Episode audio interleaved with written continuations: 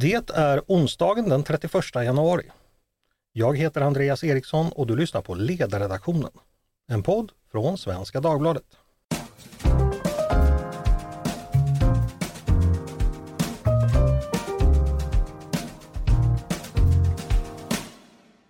Varmt välkomna! Sida har stoppat utbetalningarna till FN-organet UNRWA och därmed följer Sverige många andra länders exempel, exempelvis Finland, USA, Japan, Tyskland, Frankrike och Island, som också gjort samma sak. Och detta enligt beslut av myndighetens generaldirektör som togs i fredags. Detta sker efter uppgifter om att anställda vid UNRWA ska ha medverkat vid Hamas angrepp på Israel den 7 oktober förra året och att många ytterligare av UNRWAs anställda ska vara kopplade till Hamas. Den attacken som alltså krävde 1200 liv och ledde till att flera hundra personer tillfångatogs och sedan dess hålls som gisslan i Gaza. UNRWA, det betyder United Nations Relief and Works Agency for Palestines Refugee in the Near East och är den FN-organisation som ger bistånd och hjälp åt den palestinska flyktinggrupp som sedan 1948 finns i regionen och som nu enligt den definition man då bestämde sig för räknar nästan 6 miljoner människor. Uppgifterna om de här kopplingarna mellan UNRWA och Hamas och deras angrepp den kommer från israeliska underrättelser. Enligt dessa uppgifter ska minst 12 UNRWA-anställda ha varit inblandade i attacken. Sex ska själva ha deltagit i den. Och dessutom beräknas ungefär 10% av organisationens personal i Gaza ha kopplingar till antingen Hamas eller palestinska Islamiska Jihad. Och det innebär ungefär 1200 personer av totalt 12 000. Det här har ni säkert redan hört om på nyheterna och hunnit fundera en del på. Men jag misstänker att det är fler än jag som inte riktigt har hela bilden klar för sig och känner att man behöver lite mer kunskap och bakgrund för att kunna bilda sig en egen uppfattning. Vad är UNRWA för en organisation? Hur ska man se på de här anklagelserna? Och hur ska en stor bidragsgivare som Sverige resonera med anledning av dem? Så det ska vi försöka göra idag, ge kunskap och bakgrund alltså. Uppfattningen, det får ni sköta om själva. Med mig för att reda ut de här sakerna har jag med mig två gäster, nämligen Fredrik Malm, riksdagsledamot för Liberalerna och tidigare i sin karriär såväl utrikespolitisk som biståndspolitisk talesperson för partiet. Varmt välkommen hit Fredrik! Ja, tack så mycket! Och så har jag med mig Erik Lysén, chef för något som heter ACT, som är Svenska kyrkans internationella bistånds och utvecklingsverksamhet. Varmt välkommen du också Erik! Tack så mycket! Jag misstänker att ni både har åsikter och tankar om detta, men vi ska börja med lite fakta på plats och det ska ni hjälpa mig med. Eh, och då är första frågan, undra, vad är det egentligen för någonting? Vi är ju annars vana vid att UNHCR är det organ som sköter flyktingar för FNs del. Så varför finns UNRWA och hur ser den organisationens bakgrund ut? Eh, Erik, vill du börja och förklara? Ja, men det kan jag göra. Jag kan ta det lite kort då. Jag menar, du har ju varit inne på det själv att eh, UNRWA eh, bildades då 1949 efter då Israels självständighet och efter den fördrivning som skedde då av palestinier, den konflikt, det krig som uppstod mellan israeler och palestinier när Israel som en självständig stat etablerades och som också fick stöd från det internationella samfundet. Men det ledde då till en stor flyktingström av palestinska flyktingar och då valde man att ha två separata flyktingorgan. Dels det som hette International Refugee Organization på den tiden som då handlade om stödet till europeiska judar som flydde undan nazistförföljelserna och sen fick då eh, uppehälle i Israel. Så då hade man den organisationen, men då valde man sen att skapa en separat eh, FN-organisation till stödet för palestinska flyktingar, det humanitära stödet palestinska flyktingar då, och som man då tillsatte 1949. Så då hade man två separata flyktingorganisationer. International Refugee Organization blev sen UNHCR, så man har hållit det här separat. Eh, och det fanns ju en överenskommelse då mellan västvärldens stater och där den Israel eh, naturligtvis fanns med dem i diskussionen att det är den här ordningen man skulle ha för de två olika flyktingfolken. Och sen har ju UNRWA eh, utvecklats i takt med, som du säger, från början var det 650 000 eh, flyktingar då, som fördrevs och som palestinierna beskriver som sitt nakba och hamnade i Gaza, hamnade i östra Jerusalem, på Västbanken, i grannländerna Libanon och Syrien och Jordanien har växt till en grupp som är närmare 6 miljoner idag. Och UNRWA står då för det här oerhört viktiga humanitära stödet. Det handlar om skolor, det handlar om hälsovård, det handlar om matdistribution i uppflammande kriser. Det handlar om grundläggande infrastruktur. Det handlar om ekonomisk utveckling, småskalig ekonomisk utveckling då för att ändå skapa drägliga uppehällen för de palestinska flyktingarna. Just det. Och du när du säger att det har växt från då några hundratusen till nästan sex miljoner, då förstår ju alla att det här är någonting man föds in i den här gruppen helt enkelt.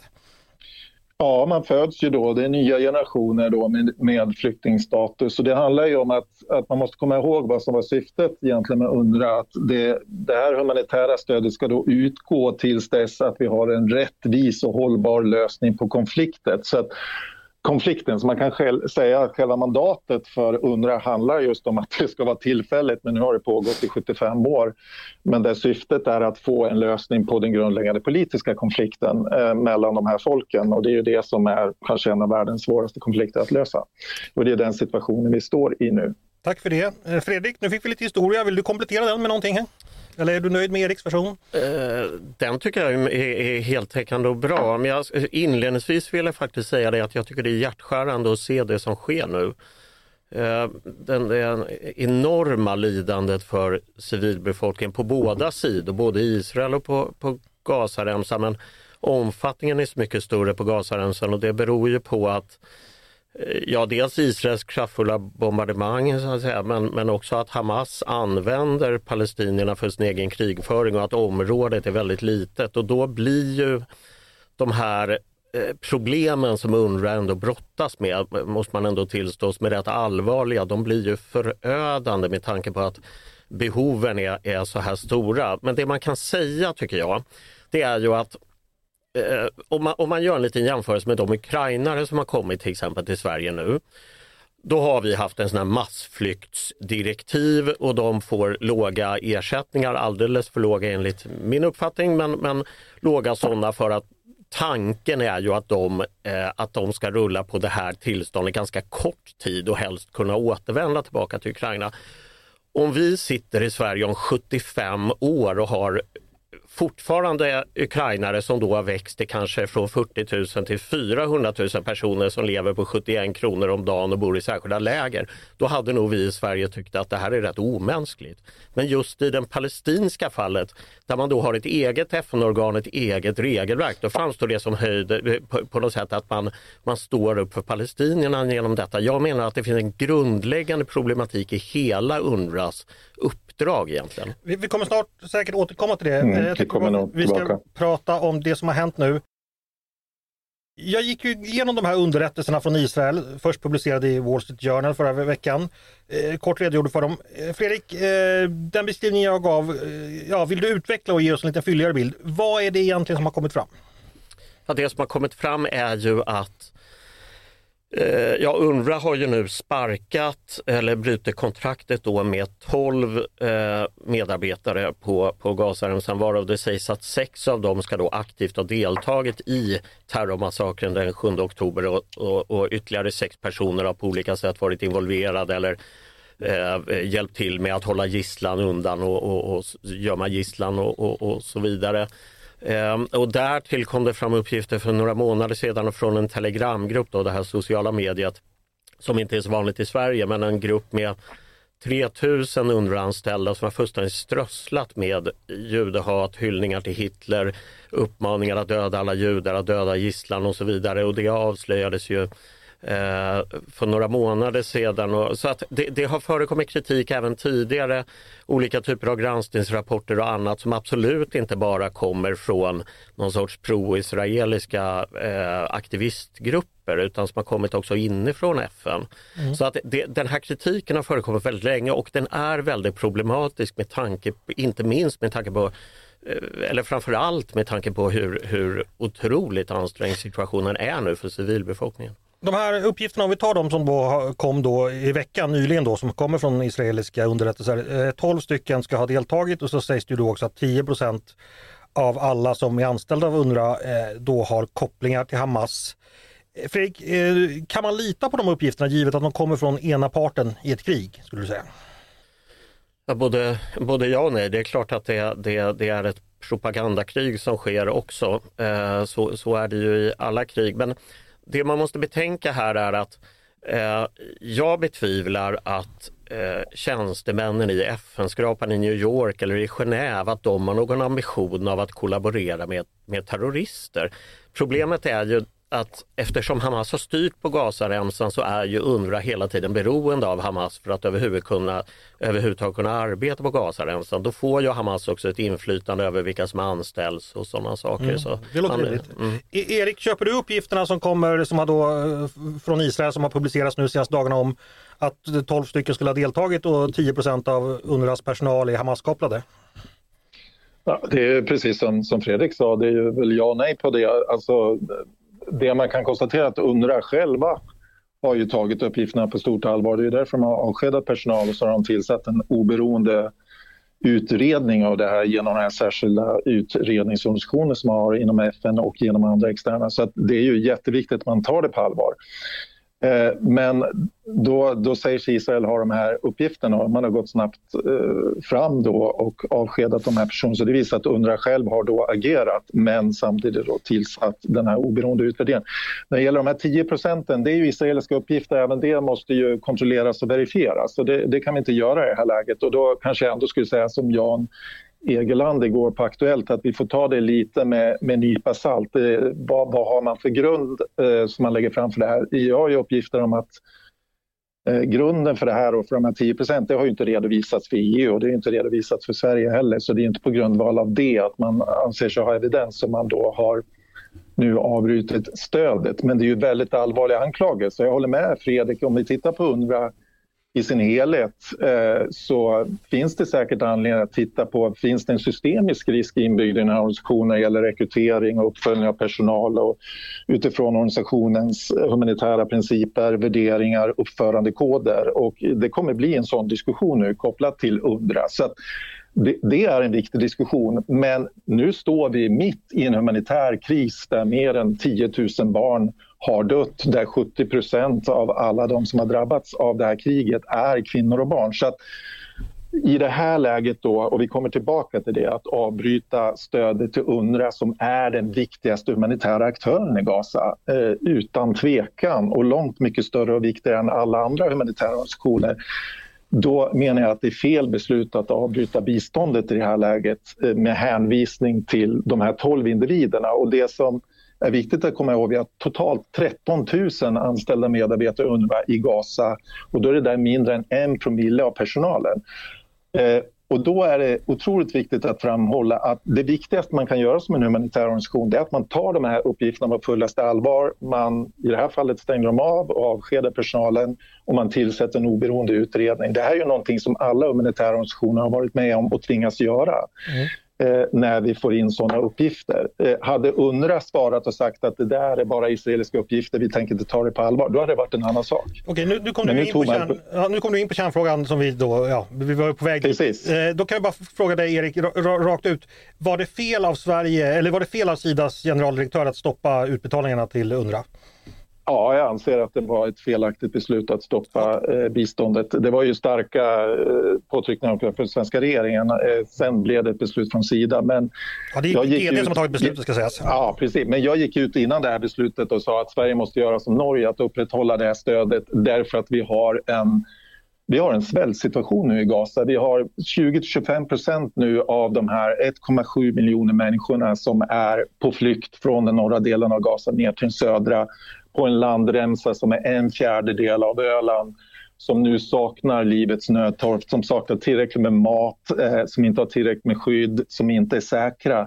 Och att i den här situationen då avbryta det helt livsviktiga stödet genom UNRWA, det ser jag som helt ansvarslöst. Okej, okay. eh, eh, vi, vi bollar över till... Ja, vi kommer tillbaka till... Vi, vi kommer ja. tillbaka till dig Erik, jag lovar. Eh, bollar över till dig direkt eh, Fredrik. Var det rätt av Sida att eh, för tillfället i alla fall stoppa utbetalningarna till UNRWA?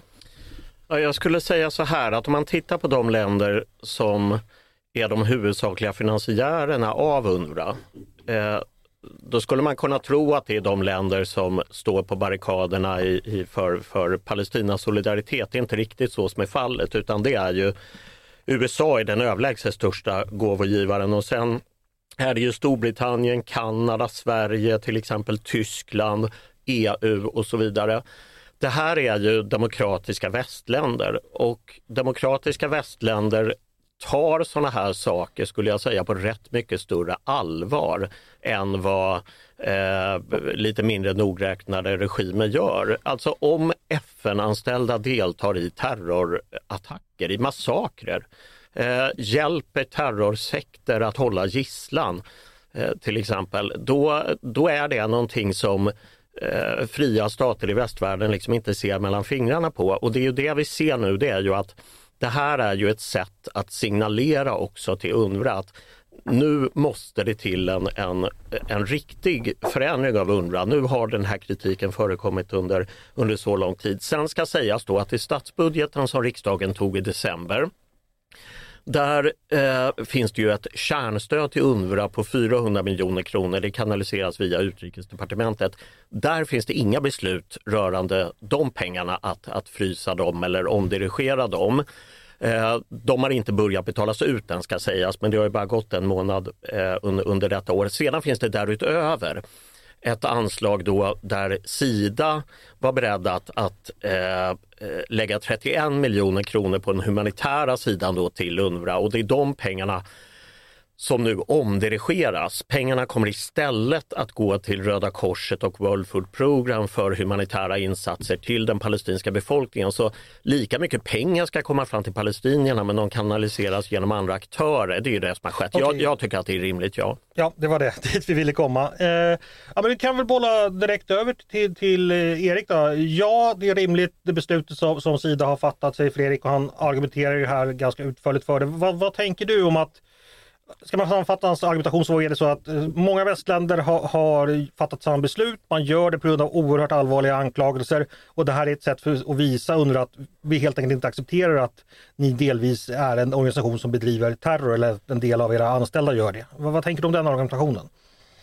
Nej, men, eh, som jag redan har sagt, när det gäller de här terroranklagelserna så måste de utredas och det är väldigt allvarligt. Eh, eh, och det UNRWA har tagit det på stort ansvar. Men om vi pratar om den nuvarande humanitära situationen så är ju den katastrofal. Vi, vi, har ingen värre konflikt i världen just nu. Vi har en väldigt svår situation i Ukraina.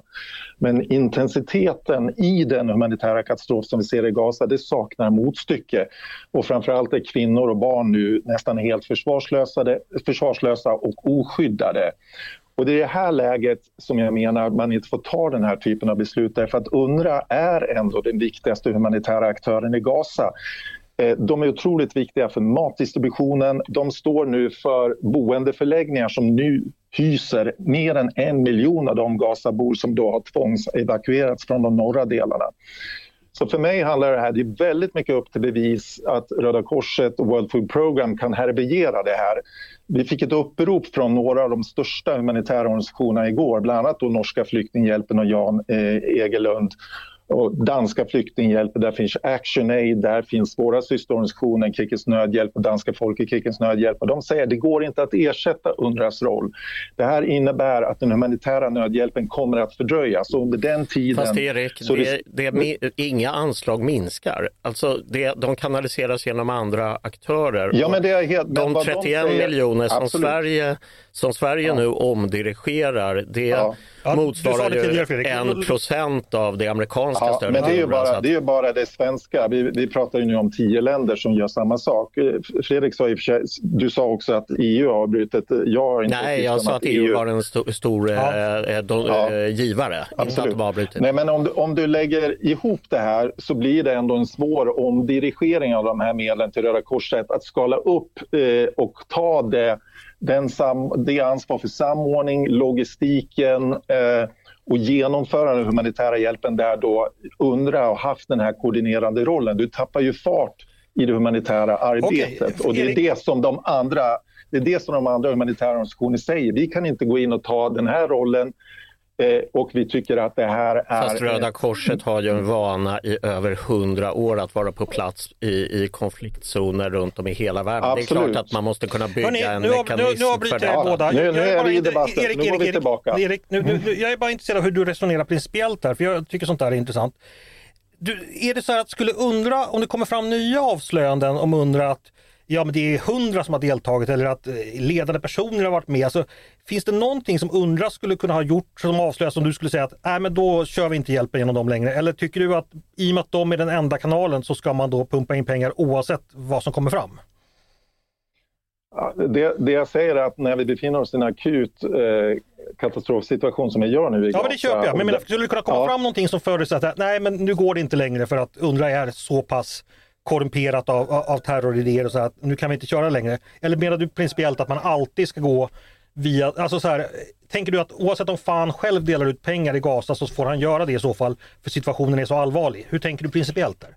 Ja, jag tänker så här, principiellt så om du får välja mellan två onda ting. Nu pratade vi om, om 12 individer av, av eh, eh så att säga 13 000. Ja, det, jag hade ett hypotetiskt exempel ifall någonting skulle ja, få det Ja, absolut. Men, men, sku, men du har ett hypotetiskt exempel om det skulle vara många, många fler människor det skulle visa sig. Men, men det är ett hypotetiskt exempel. Men, men då kan det fortfarande vara så om vi tittar på, på den infrastruktur med boendeförläggningar, med matutdelning som UNRWA står för, då får vi väga det mot det faktum att nya uppgifter har kommit om att, som Israel har sagt, 10 procent. Det, det, är en avvägning hela tiden. Alltså, i, det här, I det här fallet handlar det ju om att, att rädda liv eh, i en situation där vi redan har en katastrofal situation. Och, och, då måste det väga tungt och viktigt. Men med det sagt så har jag inte sagt att de här anklagelserna inte är allvarliga. De måste utredas. Men, men, men, nu, men tvingas du välja mellan två onda ting så måste du behålla UNRWAs infrastruktur, deras organisation, eh, deras samordnande roll och så får du ta bort de medarbetare, om det då skulle visa sig vara många fler medarbetare, då måste de avlägsnas och det är jag helt säker på att Commissioner General Philippe Lazzarini skulle göra. Så att de kommer ju agera på om det skulle komma fram fler uppgifter. Mm. Men problemet är, då måste ju också de uppgifterna som kommer från Israel, de måste kontrolleras och verifieras. Ja. Och det är svårt att göra. Eh, jag tror jag överlåter till lyssnarna att tolka det, men det, det låter som du ändå ser att någonstans finns det en avvägning här mellan... Så här säga... finns en, en avvägning att ja. göra och där, där ja, rädda liv måste gå före. Ja, Fredrik? Nej, men jag tänkte om du skulle komma in på det här med själva eh, UNRWAs grundläggande uppdrag, för jag tycker att det hänger ihop med den problematik vi ser också. Ja, hur tänker du då? Nej, men alltså problemet är ju att Problemet är ju att eh, så här, om man skulle använda FNs flyktingkommissariat eh, UNHCR, om man skulle använda deras definition av flyktingskap, då skulle det finnas ungefär 30 000 eh, palestinska eh, flyktingar från 1948 som är kvar i livet, kanske 40 000 någonstans där mellan 20 och 40 000 som är kvar i livet. Eh, men enligt UNRWAs definition handlar det om 5,9 miljoner människor.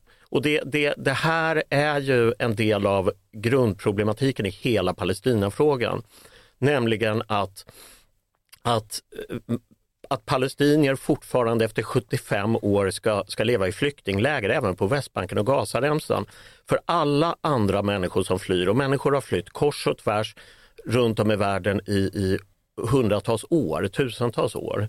Eh, då gäller ju, men om vi går i närtid, människor som flyr till ett annat land, om man får stanna i det landet, då är ju ambitionen att människor ska integreras. Man ska lära sig språket, komma in på arbetsmarknaden och i Sverige pratar vi om svenska för dag ett och vi måste korta tiderna för att få besked om uppehållstillstånd och så vidare. Men för palestinierna gäller så att säga motsatsen och det har det har gjort att man har permanentat det här livet i, i flyktingläger. Man har skapat en palestinsk, eller bidragit till en, en palestinsk identitet som i huvudsak är en identitet i, i flyktingskap. Och jag menar, och det är faktiskt även regeringens uppfattning, att, att eh, man måste nu eh, initiera en diskussion om att eh, om att förändra den här ordningen. Det rimliga är ju att man i alla fall stegvis på något sätt kan slussa in de palestinier i UNRWAs mandat så, så, att de omfattas av UNHCR så att också okay. grannländerna där de bor börjar ta ansvar okay. för att integrera dem. Eh, jag förstår. Eh, det här är ju eh, delvis annat problem men jag ska höra vad Erik säger om det. Här lyfter ju Fredrik en, ja, den mer långsiktiga problematiken som han ser att det här är någonting som har skapats för länge sedan och helt enkelt gått väldigt, väldigt fel. Eh, håller du med om den analysen Erik? Nej, det gör ju inte riktigt i och med att det, det är en ofrivillig flyktingidentitet som, som palestinierna har. Det är ju det är just ja, Fredrik, sa ju, Fredrik sa ju också att de, den var på, på, på, påtvingad. Ja, men den är, på, den är på, Jag tänker att, att såklart är det här en av frågorna som måste diskuteras i samband med slutstatusförhandlingarna eh, på den här konflikten och det som är glädjande är ju att USA och många andra länder driver på nu att vi, att vi har nått vägs ände med status quo och nu måste USA och EU sätta, sätta press, liksom arabstaterna, på att dra parterna till förhandlingsbordet. Och då, då är den här frågan en av de frågor som också måste diskuteras. Eh, men, men någonstans handlar ju det här om att ja, de lever i en omöjlig situation i de här flyktinglägren och har gjort så länge. Men det är just avsaknaden av en politisk lösning eh, på konflikten och det faktum att, att västvärldens stöd för slutstatusförhandlingar och för en möjlig tvåstatslösning, den har ju inte varit jättestark på senare tid. Men nu får det en renässans och det är viktigt.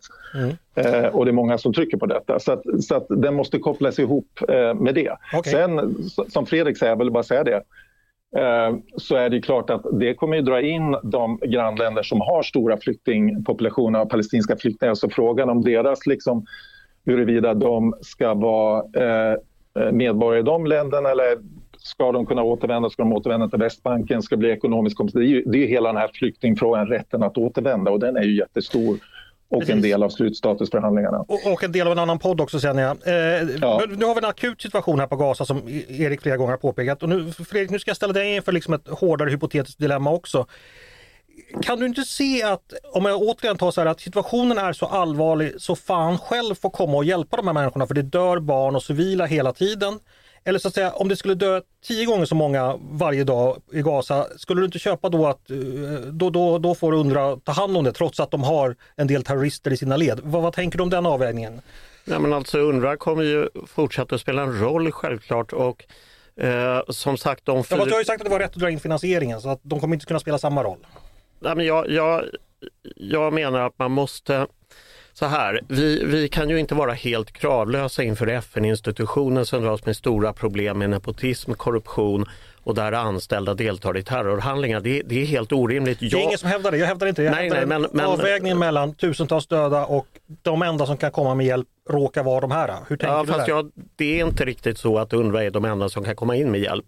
Eh, utan det här, det går ju att hitta diplomatiska lösningar som gör att man, man kan få in mer hjälp. Det är jag helt övertygad om. Det som har varit problemet är ju UNRWAs kopplingar till Hamas. Men ju mer Hamas nu försvagas av kriget och, och förhoppningsvis att, att, att, Hamas kan försvinna som, som eh, aktör eller i alla fall dominerande aktör på, på Gazaremsan så ökar ju det möjligheten att kunna få in ett humanitärt stöd till den palestinska civilbefolkningen utan att vara i klorna på Hamas eh, Eh, till exempel eller, eller andra eh, liknande, liknande aktörer. Men jag vill ändå, jag vill ändå säga det att, att den palestinska den palestinska eh, tragedin den ser vi ju varje dag på, på tv och den är fruktansvärd och Israel har ju självklart ett stort ansvar i detta för hur man bedriver hur man bedriver kriget och även de problemen när Israel går in norrifrån på Gazaremsan så uppmanar man ju civila att dra sig söderut och å ena sidan är ju det bra för att få bort civila från stridsområdet självklart. Å andra sidan blir det en enorm ansamling av palestinier då på södra delen av Gazaremsan och sen går man mot Khan Yunis och då blir det en, ännu trängre där nere. Det är en, det är en fruktansvärd okay. situation men man måste då samtidigt se att att det kan finnas andra aktörer tror jag som är betydligt mer effektiva än vad, än vad UNRWA är och kanske kan göra det här på ett bättre och, och, säga, sätt också. Jag bryter, men jag ska säga vad då, din egen regering sa då när man motiverade till att UNRWA fick 400 miljoner under 2024. Det var ju då att eh, citat, organisationen är en av få med tillträde till området under oerhört stort lidande, inte minst för kvinnor och barn. Så att, eh, att inte alla har samma tillgång, det verkar ju ändå vara någonting som även regeringen är överens om och det som som Erik säger.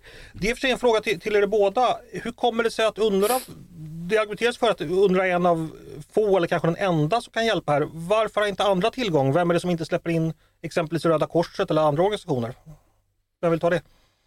Men jag skulle säga att det, det, det var ju så att UNRWAs initiala uppdrag i slutet på 40-talet det var ju då att, att eh, eh, hjälpa till med eh, nödhjälp till de palestinier då som hade flytt och, och bodde i tält och så vidare för att de sen kort därefter förhoppningsvis då skulle kunna återvända.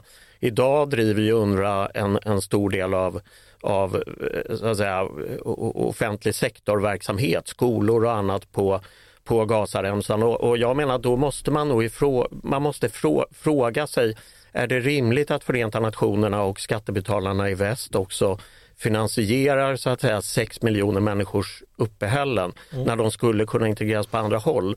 Eh, och sen tror jag det att eftersom ett antal väldigt tunga gåvogivare till UNRWA nu har sagt att de fryser stödet. Det är möjligt att man inom den kretsen tillsammans med kanske eh, andra länder skulle kunna bygga upp någon sorts parallell eller ny mekanism för att få in humanitärt okay. stöd till Gazaremsan. Jag, jag vill verkligen inte att den civilbefolkningen, palestinska civilbefolkningen inte får humanitär hjälp. Jag vill ja. vara väldigt, väldigt tydlig. Ja, jag hoppar över mitt samtal. Erik, Erik, får jag ställa en ja, fråga? För... Alltså, är det jordbävning någonstans i världen, då kan världens alla hjälporganisationer mm. vara på plats inom 48 mm. timmar. Mm. Vad är det som mm. gör att de, att de inte kan vara det i Gaza utan vi måste gå igenom den här underorganisationen som vi alla är överens om är problematisk?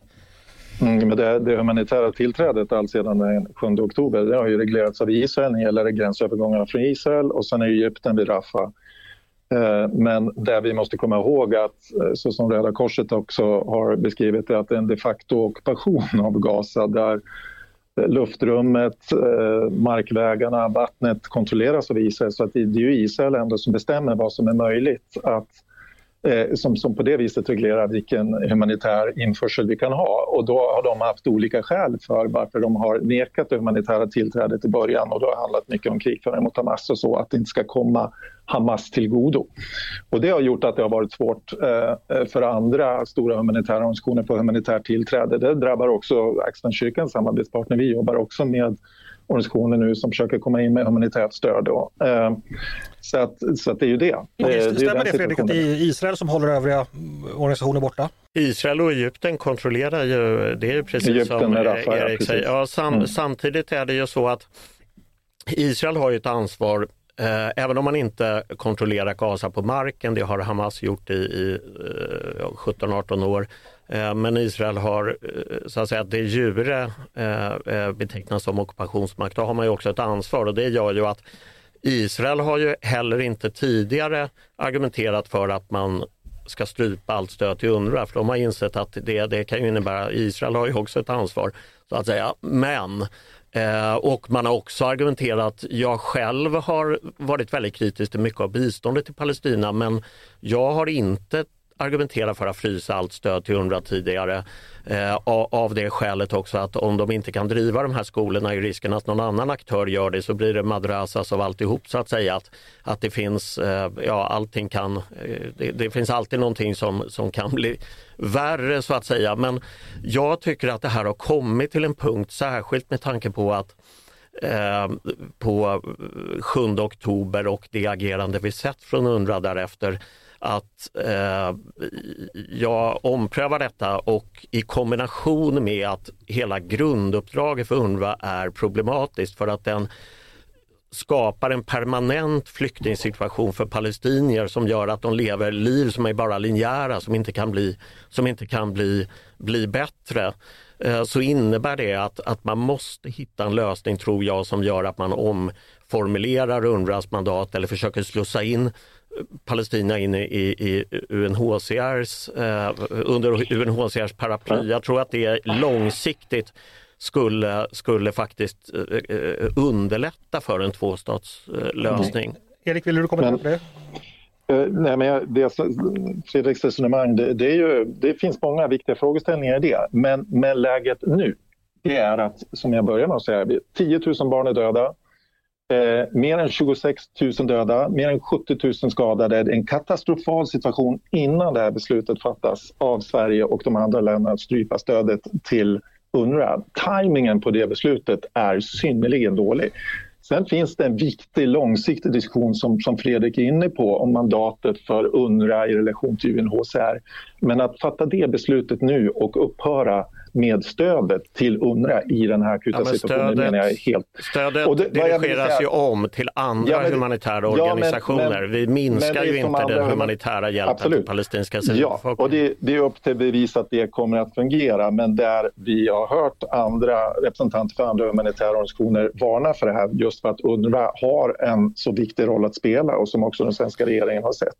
Jag vill bara säga det humanitära tillträdet det påverkas ju också av säkerhetssituationen så länge länge vi har de pågående bombanfallen så har det ju varit oerhört svårt för de andra. Det är därför man kräver eldupphör för att kunna förmedla den här nödvändiga humanitära nödhjälpen till människor i Gaza. Och där har vi då bara haft en vecka. Och det är därför det krävs eldupphör så att de humanitära organisationerna kan komma in och ge det stöd som Gazaborna behöver. Och okay. där är vi ju fortfarande inte.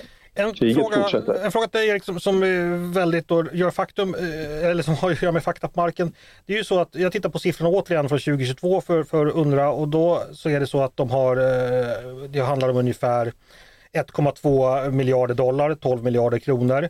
Eh, mm. varav Sverige står för ungefär 5% Men om man tittar här på listan av de stora givarna, USA står ju för nästan en, en eh, tredjedel av allting. När de pengarna försvinner, mm. när Tysklands pengar försvinner, när Sveriges pengar, Japan, Frankrike. Mm. Det här är ju, om det blir så här att de här pengarna helt enkelt inte kommer, eh, UNRWAs verksamhet måste ju helt och hållet säcka ihop.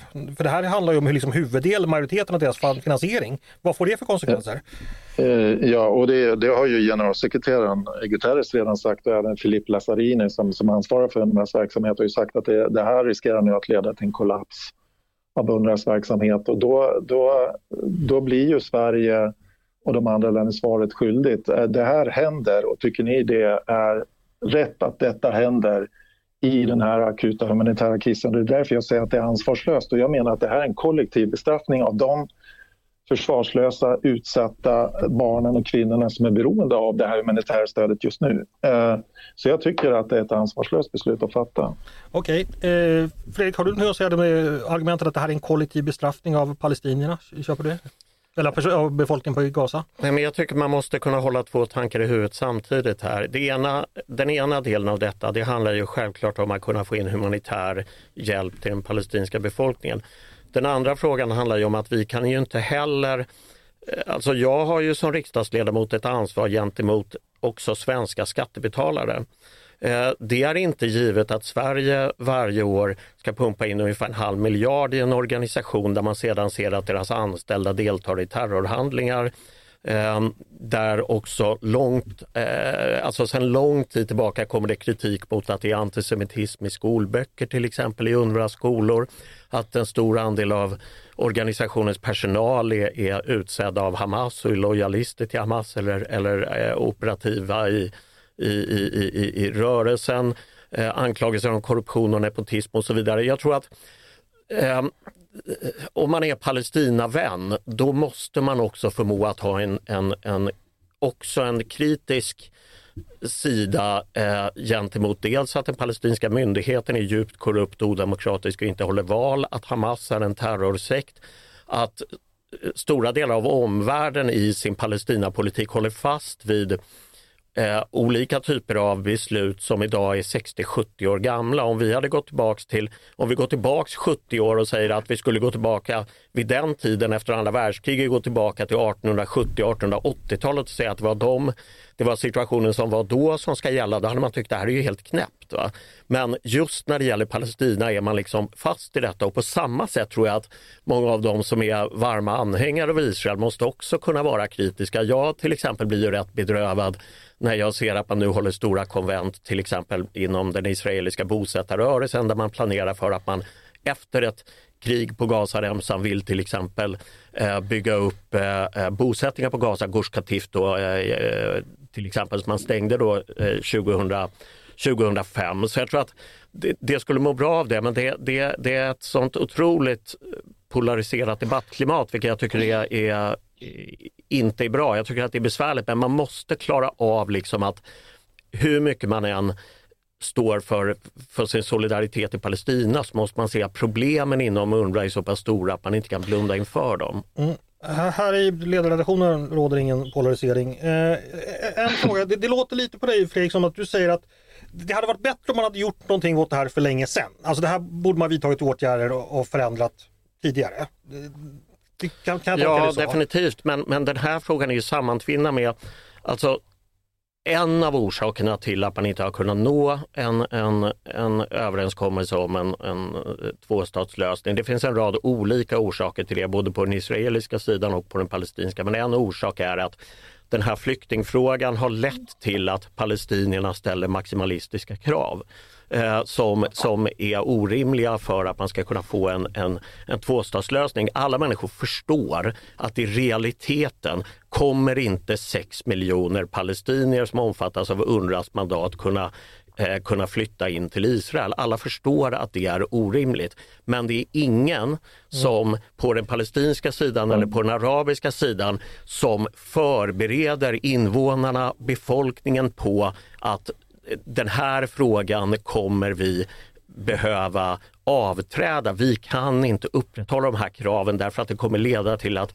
de här 6 miljoner människorna om 20 år kommer vara 10 miljoner människor. Om 40 år kommer de vara 15 miljoner människor. Och i och med att det ansvaret inte finns i arabvärlden i, i, i stor, till stor del, för det är några stater i är mer moderata och pragmatiska, men i grova drag så är det ingen makthavare som eh, har så att säga tillräckligt politiskt förtroendekapital som driver den här frågan att förbereda människor på att det här, så här, det här måste ja. förändras för att nå en okay. lösning. Nu pratar du länge Fredrik, nu får Erik svara.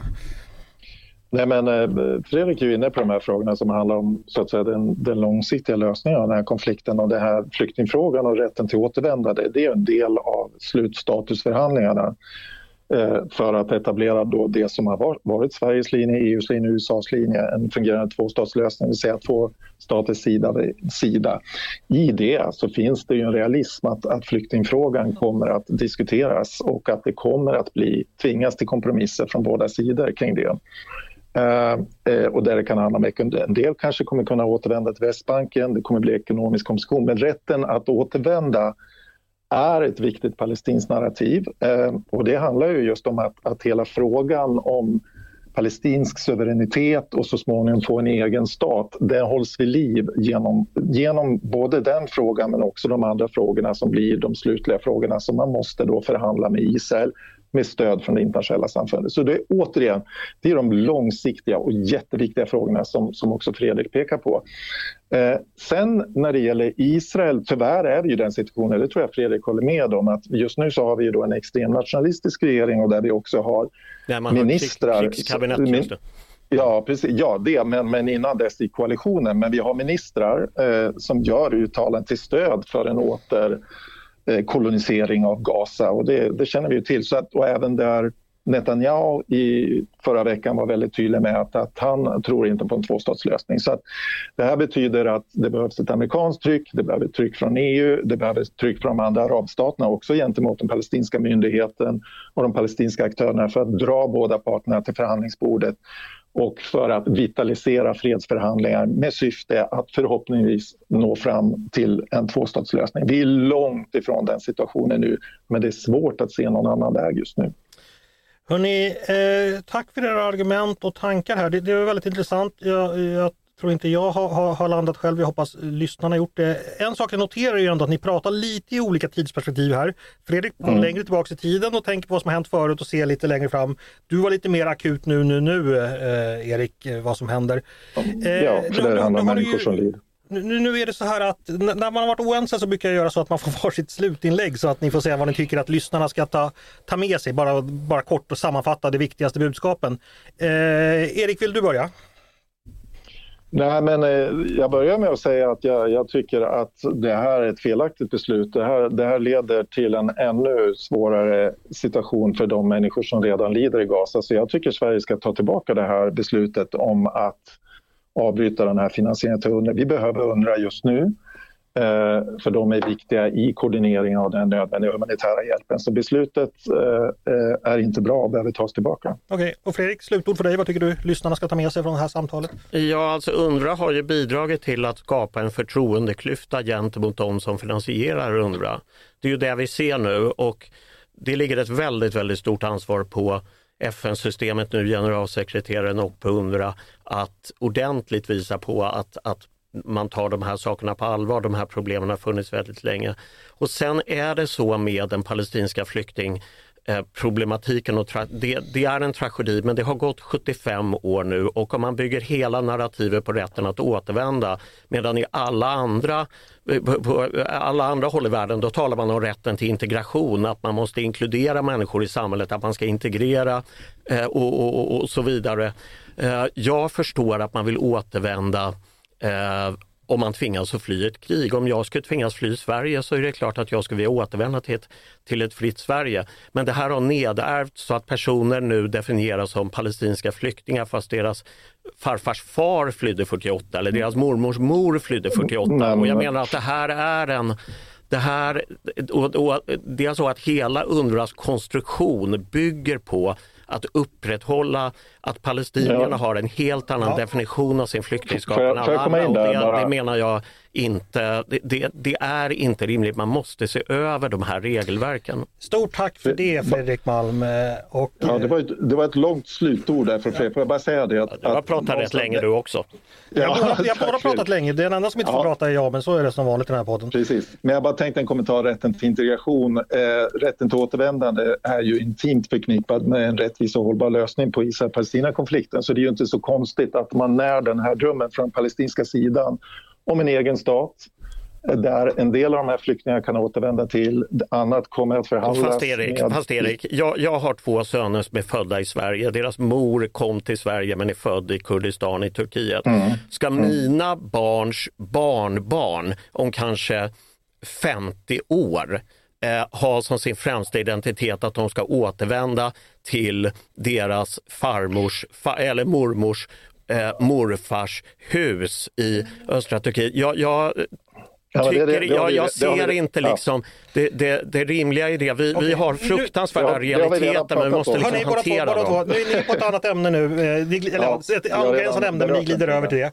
Eh, mm. Stort tack både Fredrik Malm, riksdagsledamot för Liberalerna och Erik Lysén från ACT, Svenska kyrkans biståndsorganisation för att ni kom och delade era åsikter och klokhet med mig. Tack så mycket. Tack så mycket. Tack så mycket.